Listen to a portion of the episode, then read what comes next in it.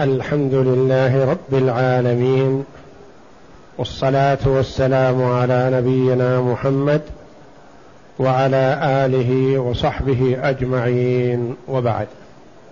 بسم الله. بسم الله الرحمن الرحيم. قال المؤلف رحمه الله تعالى قسمة التركات.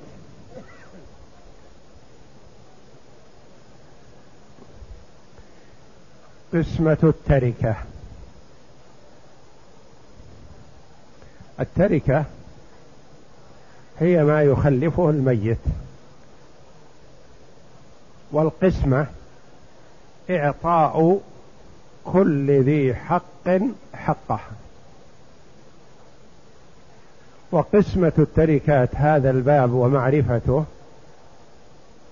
وتأديته هو المقصود بالذات من تعلم الفرائض. لأن من ثمرة تعلم الفرائض إعطاء كل ذي حق حقه.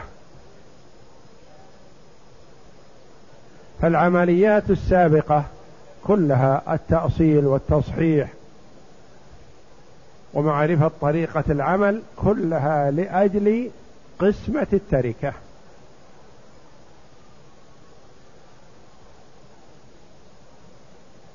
التي هي إعطاء كل وارث نصيبه مما خلفه الميت.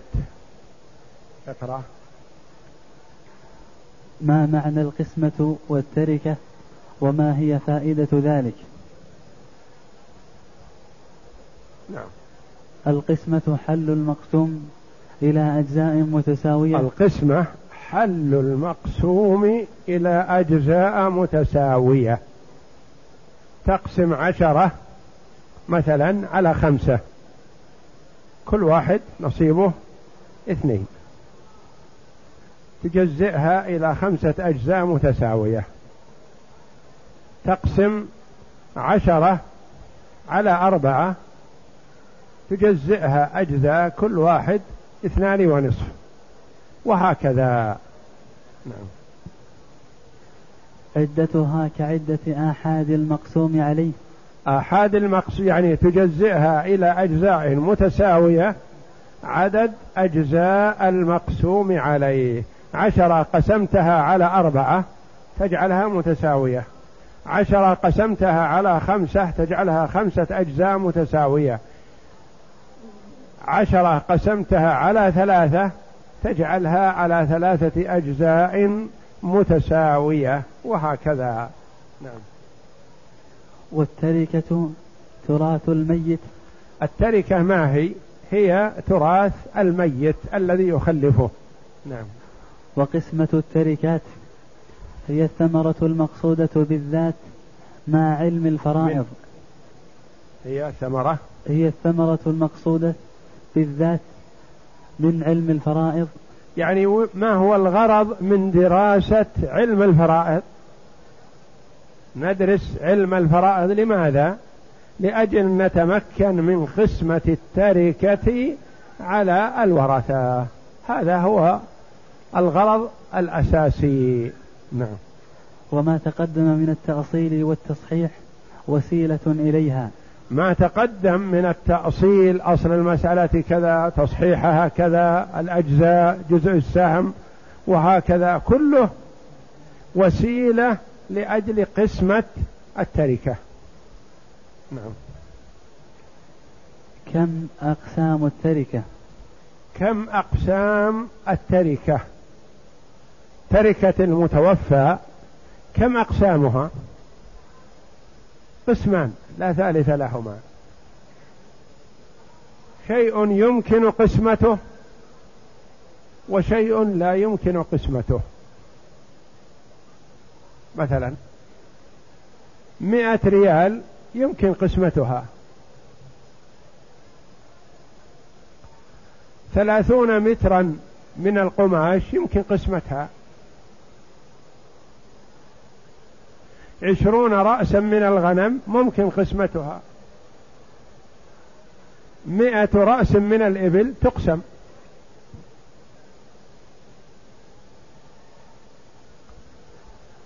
ألف كيلو من التمر أو من الحبوب تقسم.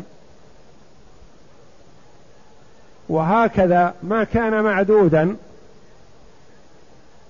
أو مذروعا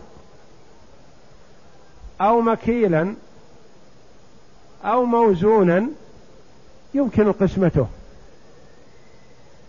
بالعدد.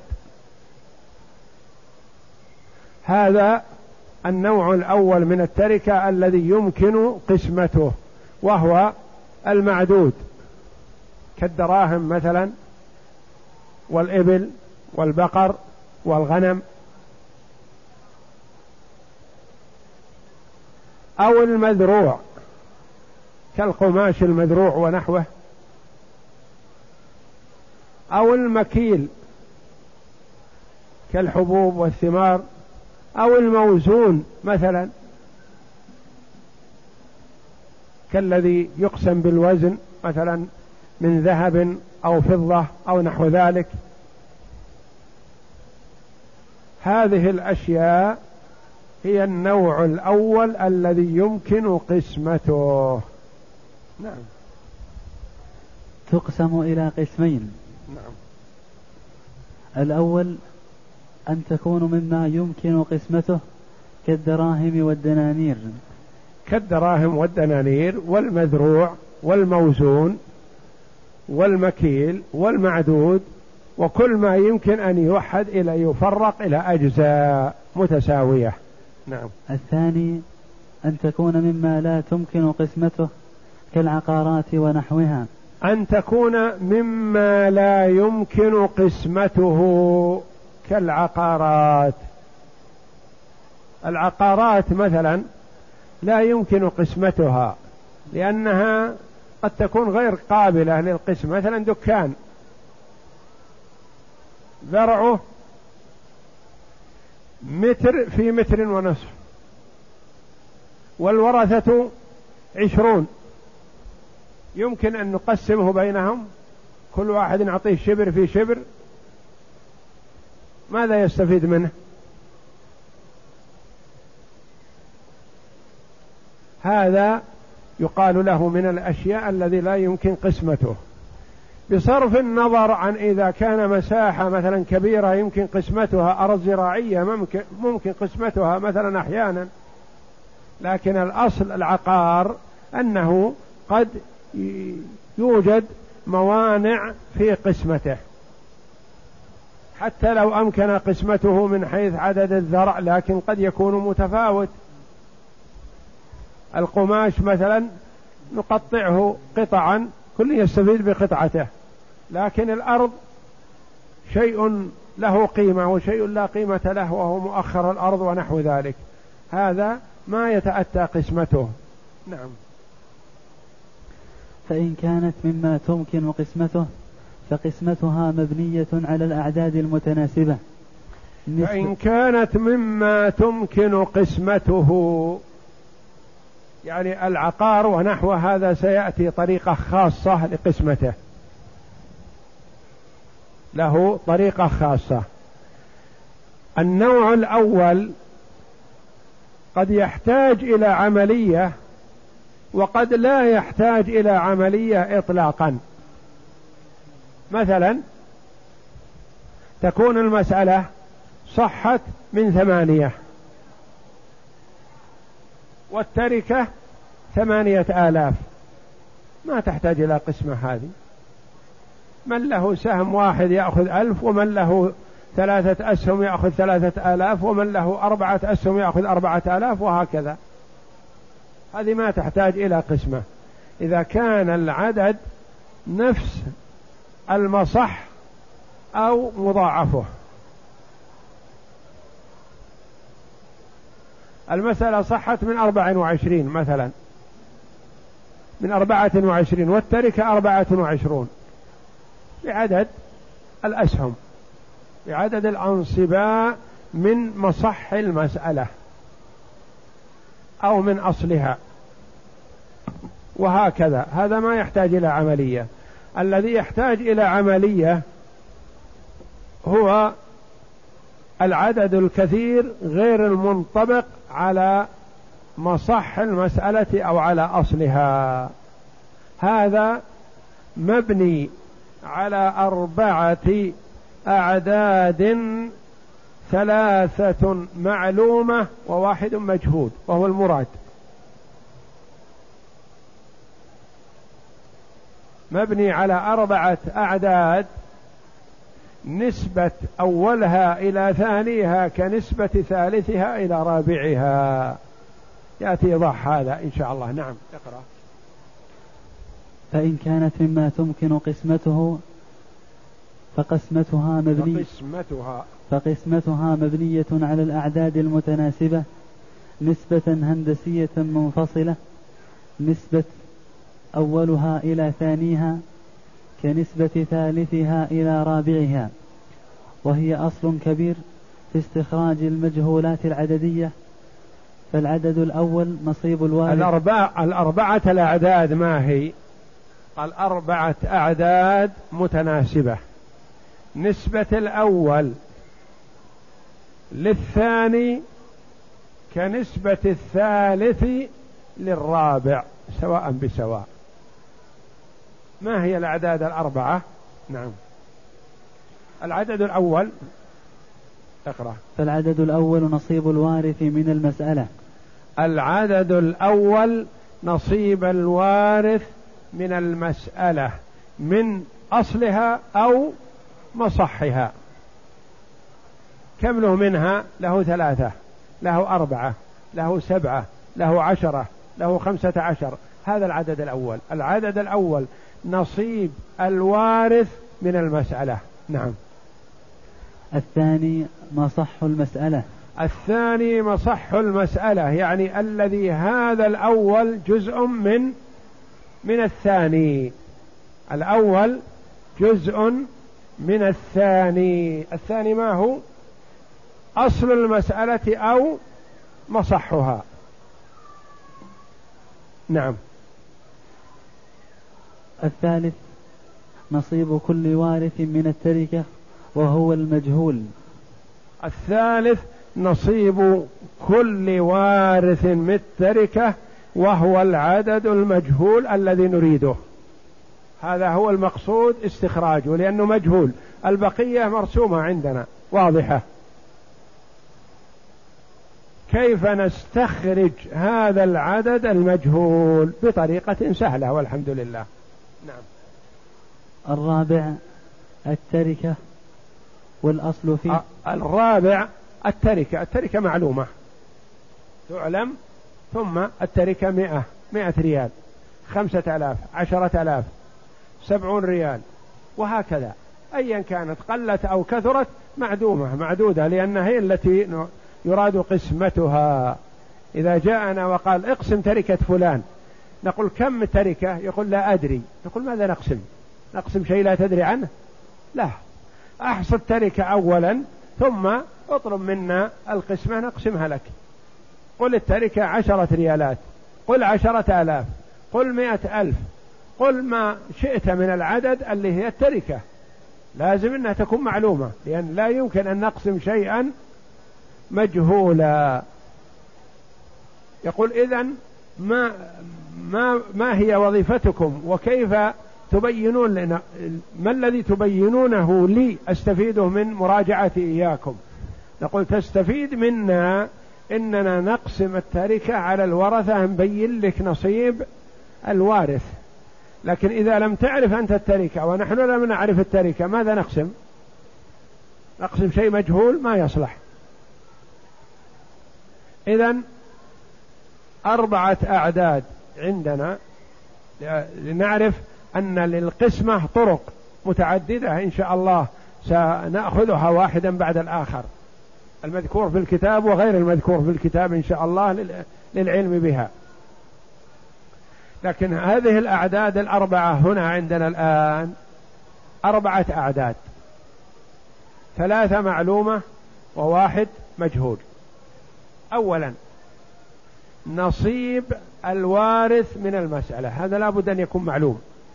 كم نصيبه؟ لابد في العملية التصحيح والتأصيل ونحو ذلك. هذه استخرجنا نصيب الوارث من المسألة.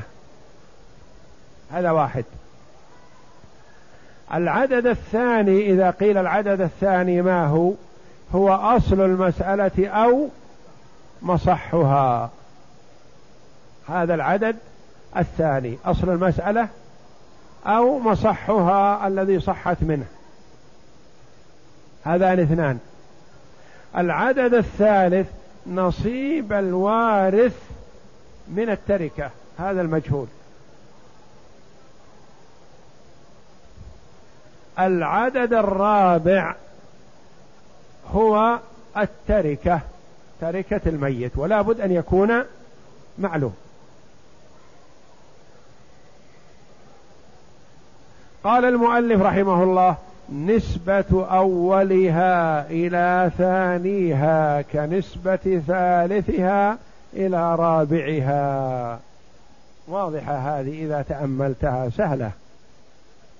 نسبة أولها إلى ثانيها كنسبة ثالثها إلى رابعها. يظهر هذا بالمثال.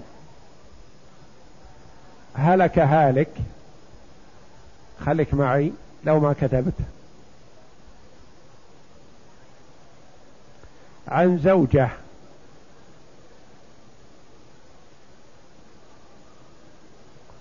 وأخت شقيقة.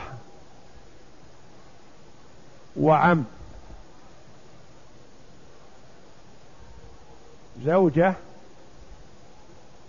وأخت شقيقة وعم. والتركة أربعة آلاف. أولا نعرف العدد الأول ما هو نصحح المسألة. نقول مسألة من كم؟ من أربعة. للزوجة الربع واحد. لها واحد من أربعة. وللأخت الشقيقة النصف اثنان من أربعة. وللعم الباقي واحد من أربعة. عرفنا العدد الأول وهو واحد واثنان وواحد. العدد الثاني ما هو؟ أصل المسألة. الذي هو الأربعة. العدد الثالث مجهول. نرجو الله أن يكشفه لنا. بعملك أيها الفرضي. العدد الرابع التركة أربعة آلاف ريال. قال لنا المؤلف رحمه الله قاعدة. نسبة الأول إلى الثاني كنسبة الثالث إلى الرابع. نسبة الأول إلى الثاني نصيب الزوجة. الزوجة كم لها؟ واحد. من؟ من أربعة. واحد من أربعة كم يكون لها؟ الربع. كم يكون لها من التركة من هناك أربعة آلاف؟ واحد من أربعة.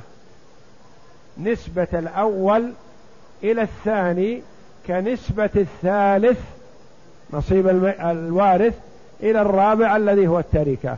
ما دام أن لها من أصل المسألة واحد من أربعة فلها من التركة واحد من أربعة الربع. الأخت الشقيقة لها من ال... لها اثنان من أربعة. وش نسبة الاثنين للأربعة؟ النصف. كم يكون لها من التركة؟ مثله. يكون لها النصف. يكون لها نصف الأربعة الآلاف. العم له من أصل المسألة واحد. منسوب إلى الأربعة واحد من أربعة كم هو؟ ربع. كم يكون له من التركة ألف من أربعة آلاف. نسبة الأول الذي هو نصيب الميت من المسألة. إلى الثاني الذي هو مصح المسألة.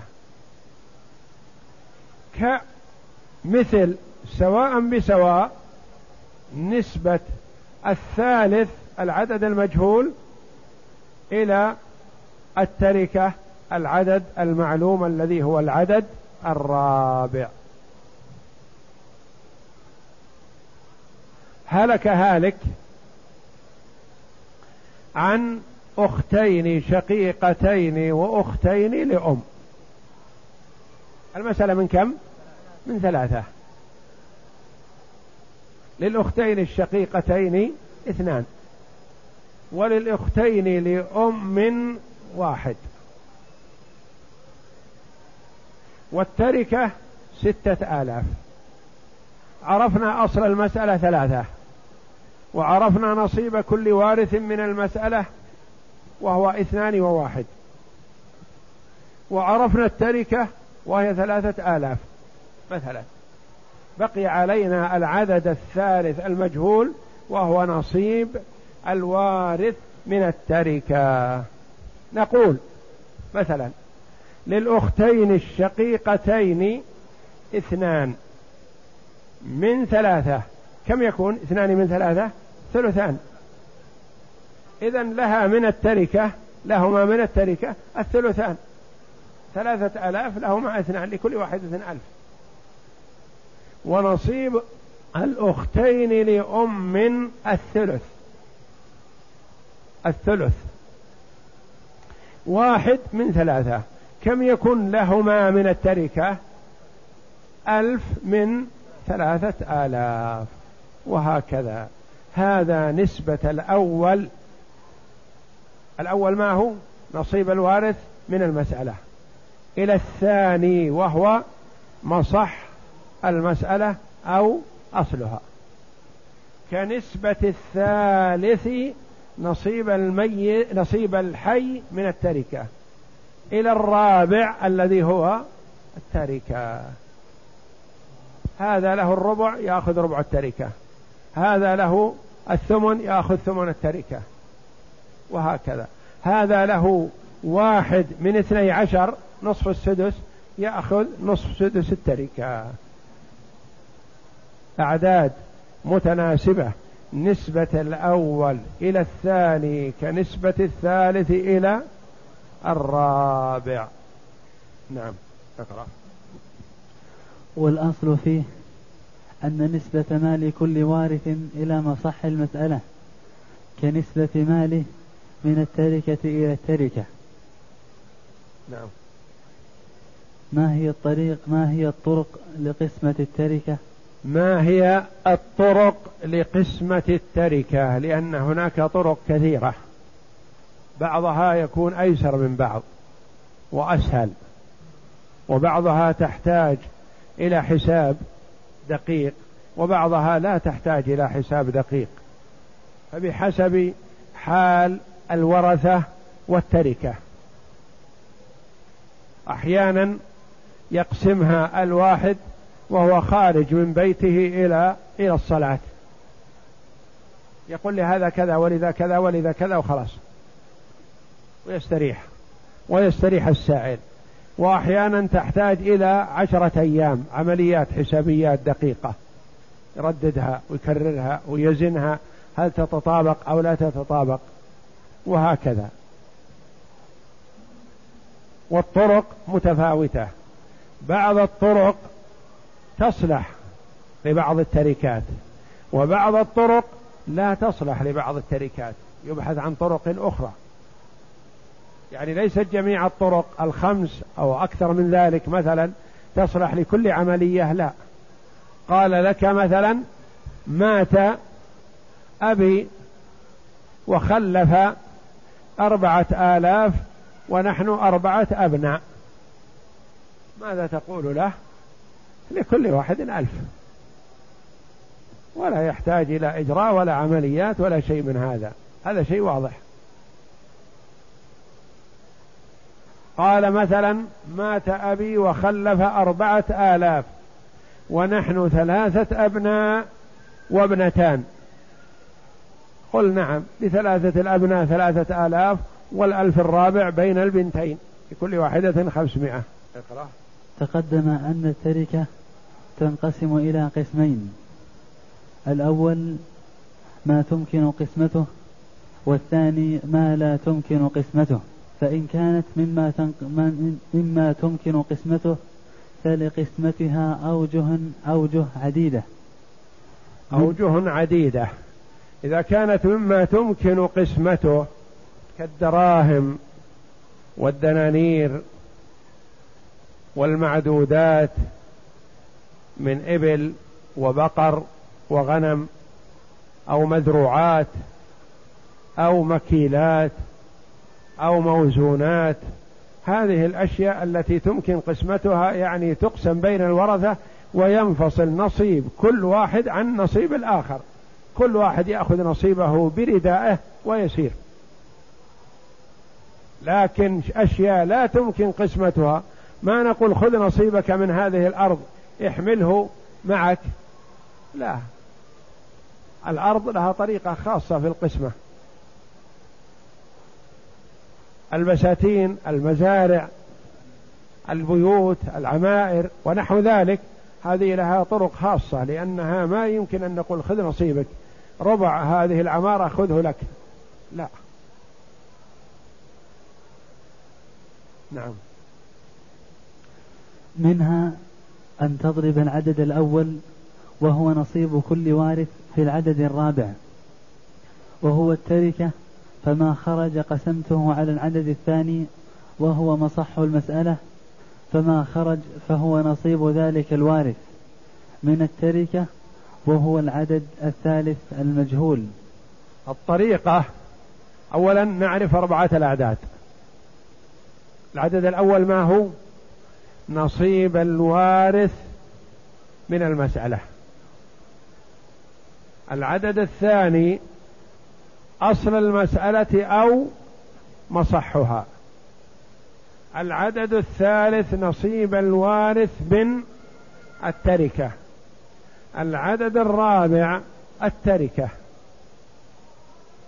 وعرفنا أن نسبة الأول للثاني كنسبة الثالث إلى الرابع ولا بد. نريد أن نستخرج العملية. كيف العمل؟ يقول لك العمل سهل. اضرب الأول في الرابع. واقسم على الثاني يخرج لك الثالث. اعرف الأول والرابع علشان ما تختلط عليك. اضرب الأول في الرابع. واقسم على الثاني يخرج لك الثالث. المسألتان اللتان تقدمتا. ننظر. التي هلك هالك عن زوجة وأخت شقيقة وعم. والتركة أربعة آلاف. قسمنا صححنا المسألة قلنا المسألة من أربعة. للزوجة واحد من أربعة وللأخت الشقيقة اثنان من أربعة وللعم واحد من أربعة. هذه المسألة والتركة قال لنا هي أربعة آلاف. يقول اقسموا لي ماذا أعطي كل واحد. نقول الأمر بسيط. على هذه الطريقة لأن الطرق متعددة. على هذه الطريقة إذا أراد عملية حسابية نقول اضرب الأول نصيب الزوجة من المسألة. كم هو؟ نصيب الزوجة من المسألة واحد. اضربه في الرابع. التركة كل واحد في أربعة آلاف كم يكون؟ أربعة آلاف. اقسمه على الثاني وهو أصل المسألة. اقسمه على الأربعة كم يخرج؟ ألف.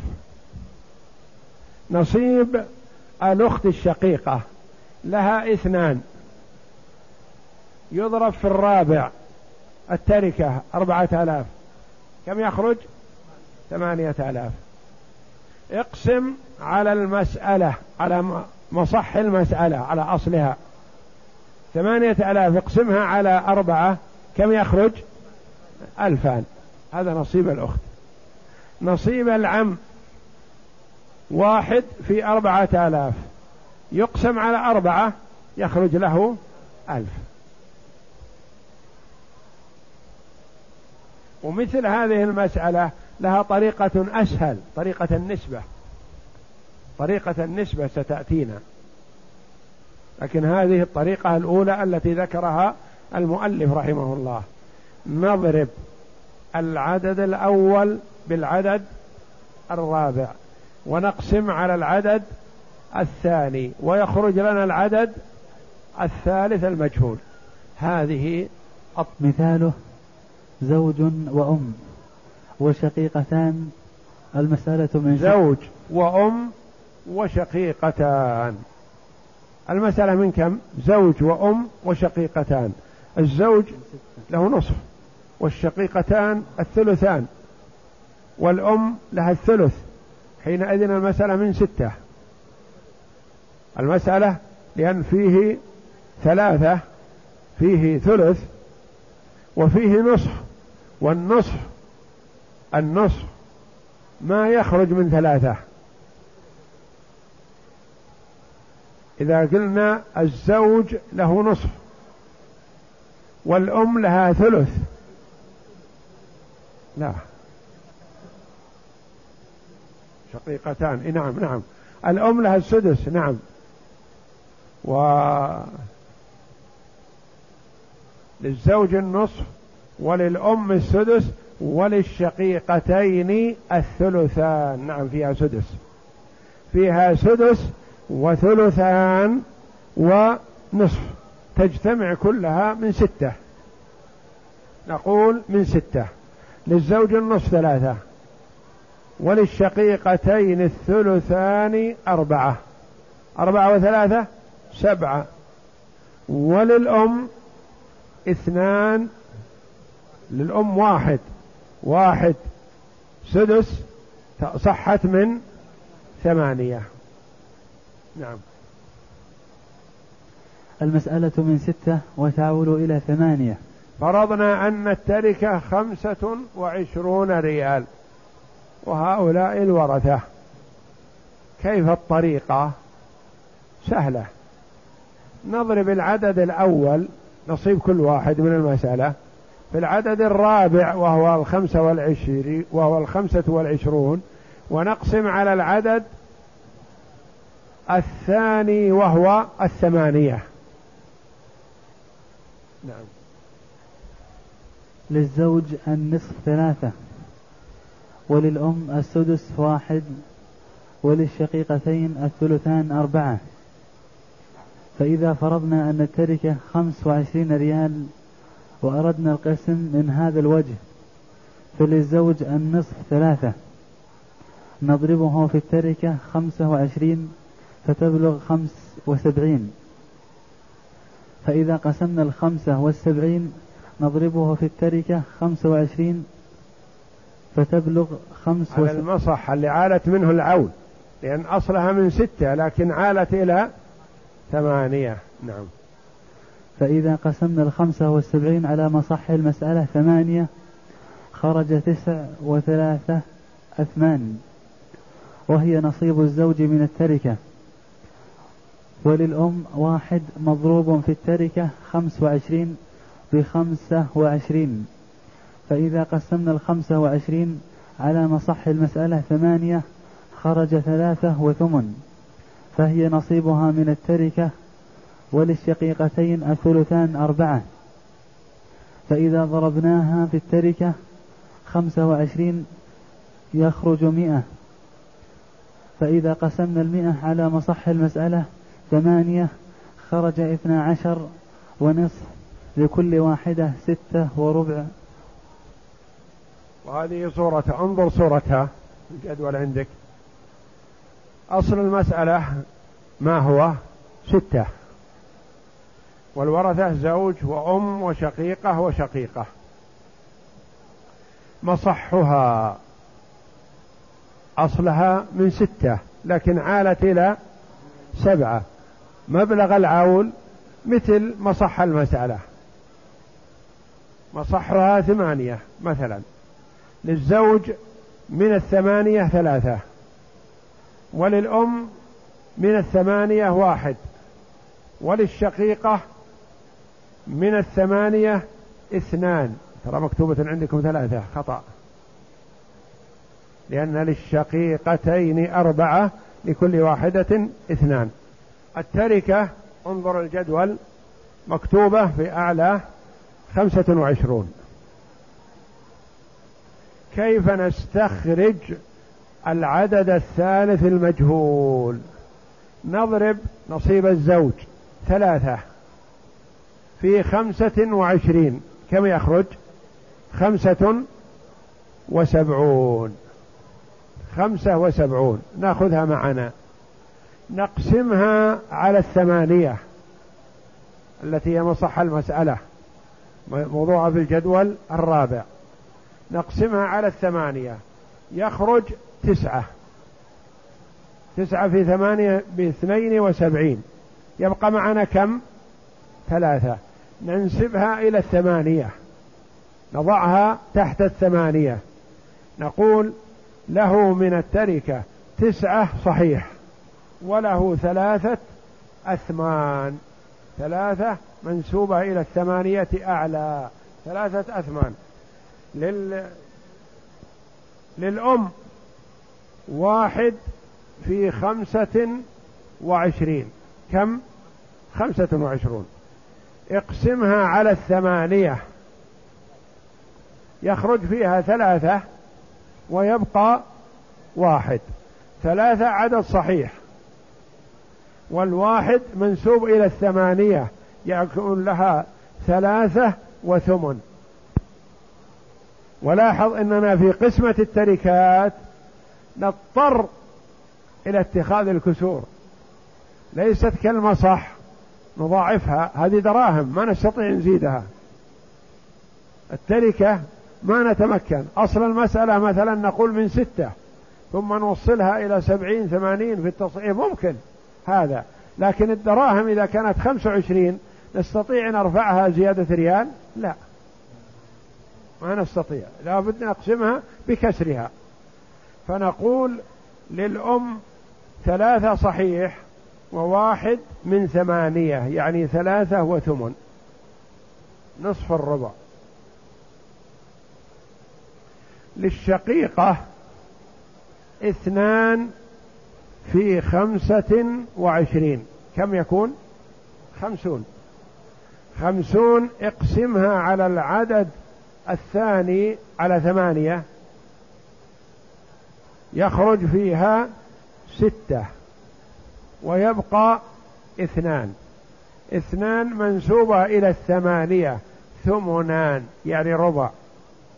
يكون للشقيقة ستة واثنين إلى ثمانية يعني ربع. ستة وربع. وللشقيقة الأخرى اثنان في خمسة وعشرين بكم؟ بخمسين. خمسين اقسمها على الثمانية يخرج ستة. ستة في ثمانية ثمان وأربعين. يبقى اثنان. اثنان منسوبة إلى إلى الثمانية. عدلها عندك خطأ فيها كلها اثنان.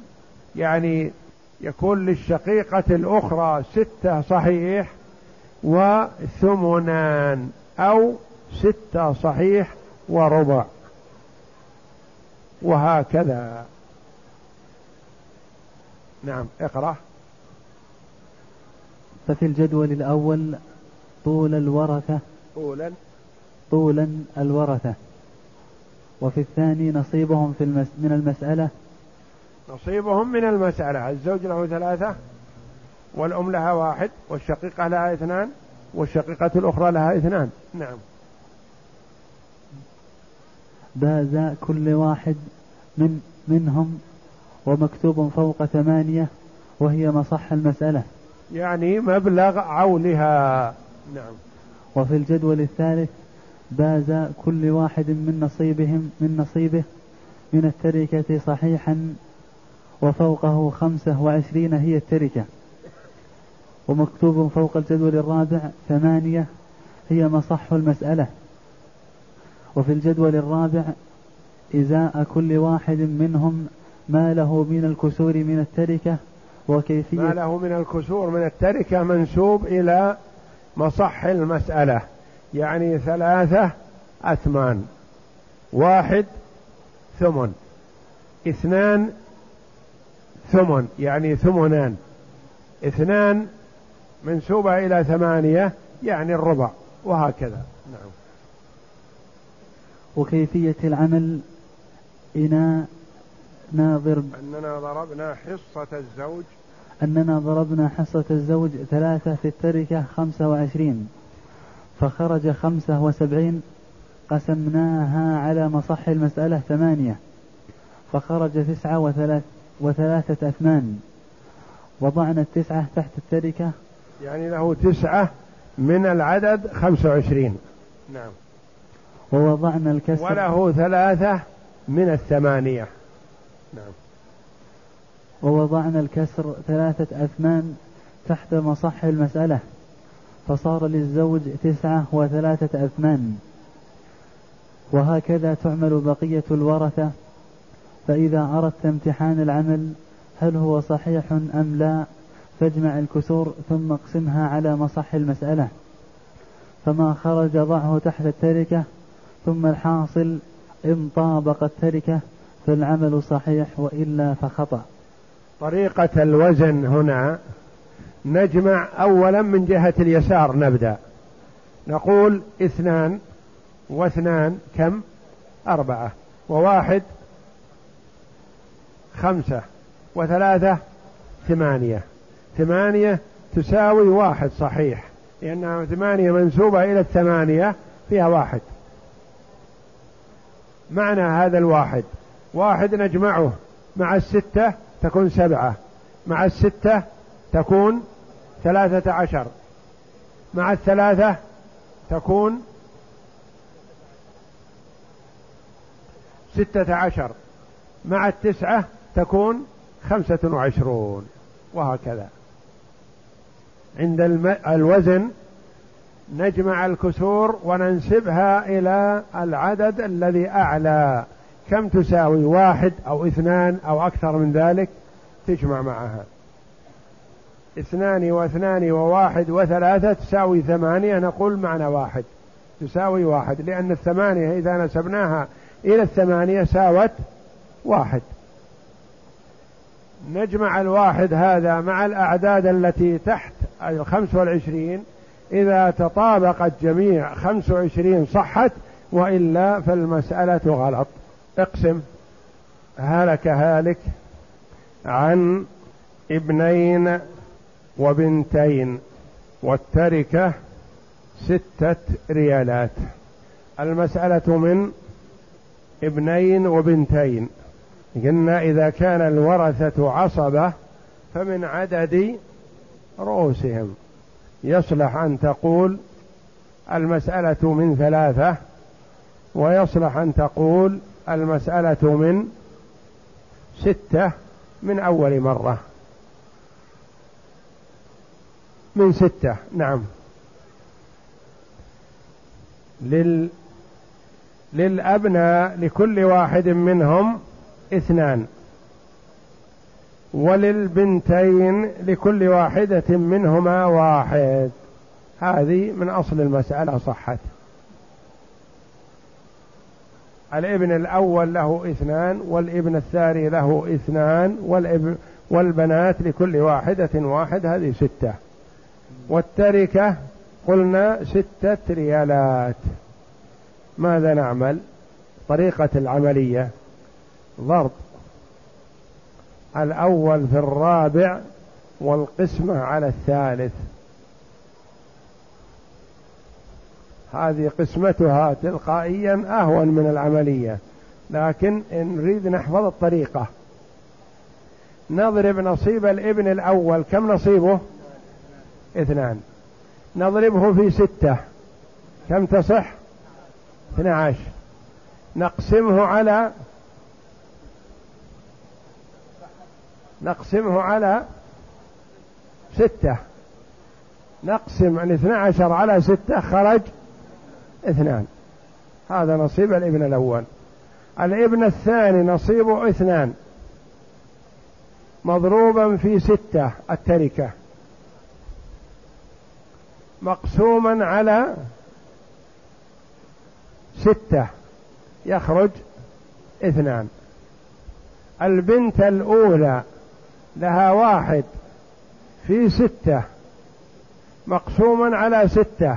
كم يخرج لها؟ واحد ريال واحد. البنت الأخرى لها واحد في ستة مقسوم على ستة يخرج لها واحد ريال. وستة الريالات قسمناها بين الابنين والبنتين. أخذ الابن الأول ريالين وأخذ الابن الثاني ريالين وأخذت البنتان كل واحدة ريال. ضربنا العدد الأول في العدد الرابع وقسمنا على العدد الثاني. اقسم. هلك هالك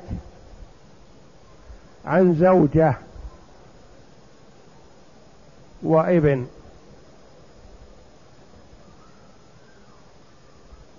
والتركة ستة عشر ريالا. الونن المسألة من من ثمانية. للزوجة الثمن واحد وللابن الباقي سبعة. والتركة ستة عشر. أعطهم.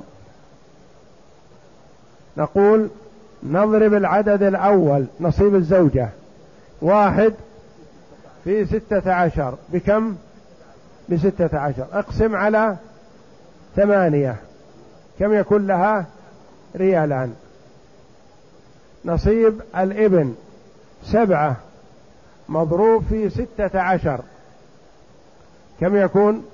سبعة في ستة باثنين وأربعين. اثنان معنى أربعة. سبعة في واحد بسبعة. ومعنا أربعة إحدى عشر. يكون مئة واثنى عشر. مئة واثنى عشر مقسومة على كم؟ على ثمانية يخرج له أربعة عشر. اقسم هلك هالك عن أم وعم. تركة ثمانية عشر ريالا.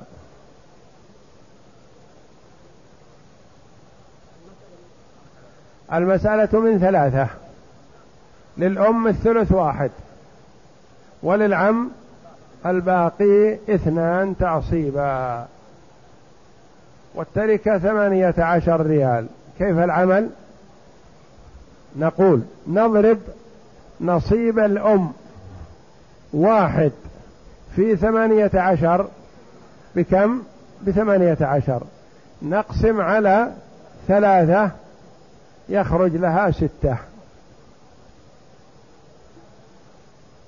نصيب العم اثنان في ثمانية عشر بستة وثلاثين. ستة وثلاثين نقسمها على ثلاثة يخرج له اثنى عشر.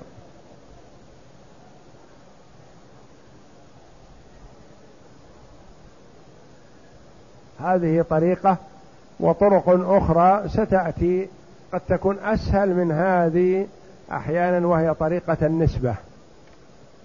في مثل هذا مثلا نقول التركة ثمانية عشر والأم لها الثلث والعم له الثلثان نعطي كل واحد نسبته من التركة.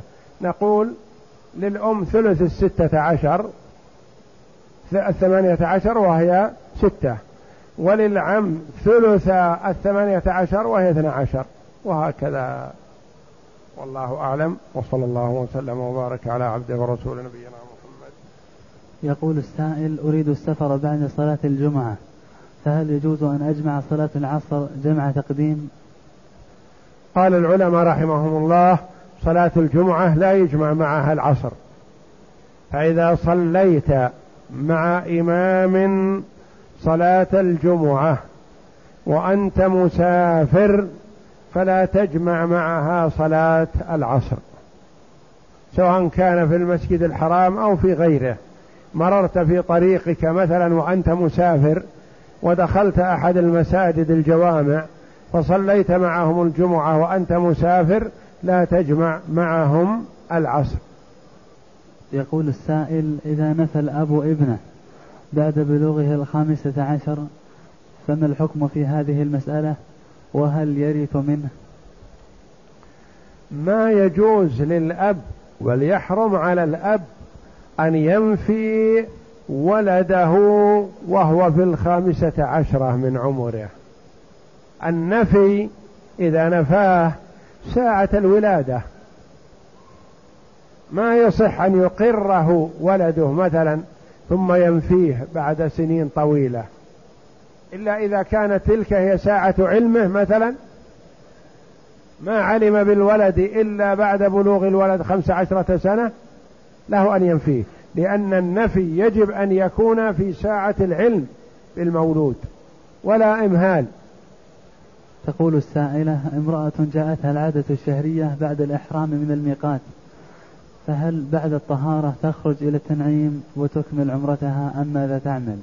إذا حاضت المرأة قبل الميقات تحرم من الميقات أو أحرمت من الميقات ثم حاضت. هي على إحرامها ولا يؤثر عليها حيضها إلا أنه يمنعها من الطواف.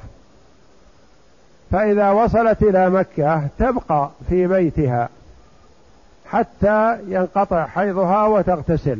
فإذا اغتسلت طافت وسعت وقصرت من رأسها وقد حلت من عمرتها لأنها على إحرامها فلا تخرج إلى التنعيم ولا إلى غيره. هي على إحرامها وتجتنب حال جلوسها في بيتها تجتنب ما يجتنبه المحرم. فلا يستمتع منها زوجها بشيء وهي محرمة. ولا تمس طيبا. ولا تقلم ظفرا. ولا تغطي وجهها إلا إذا كانت بمرأى من الرجال الأجانب فتغطي وجهها بثوب ونحوه ولا تستعمل البرقع ولا النقاب.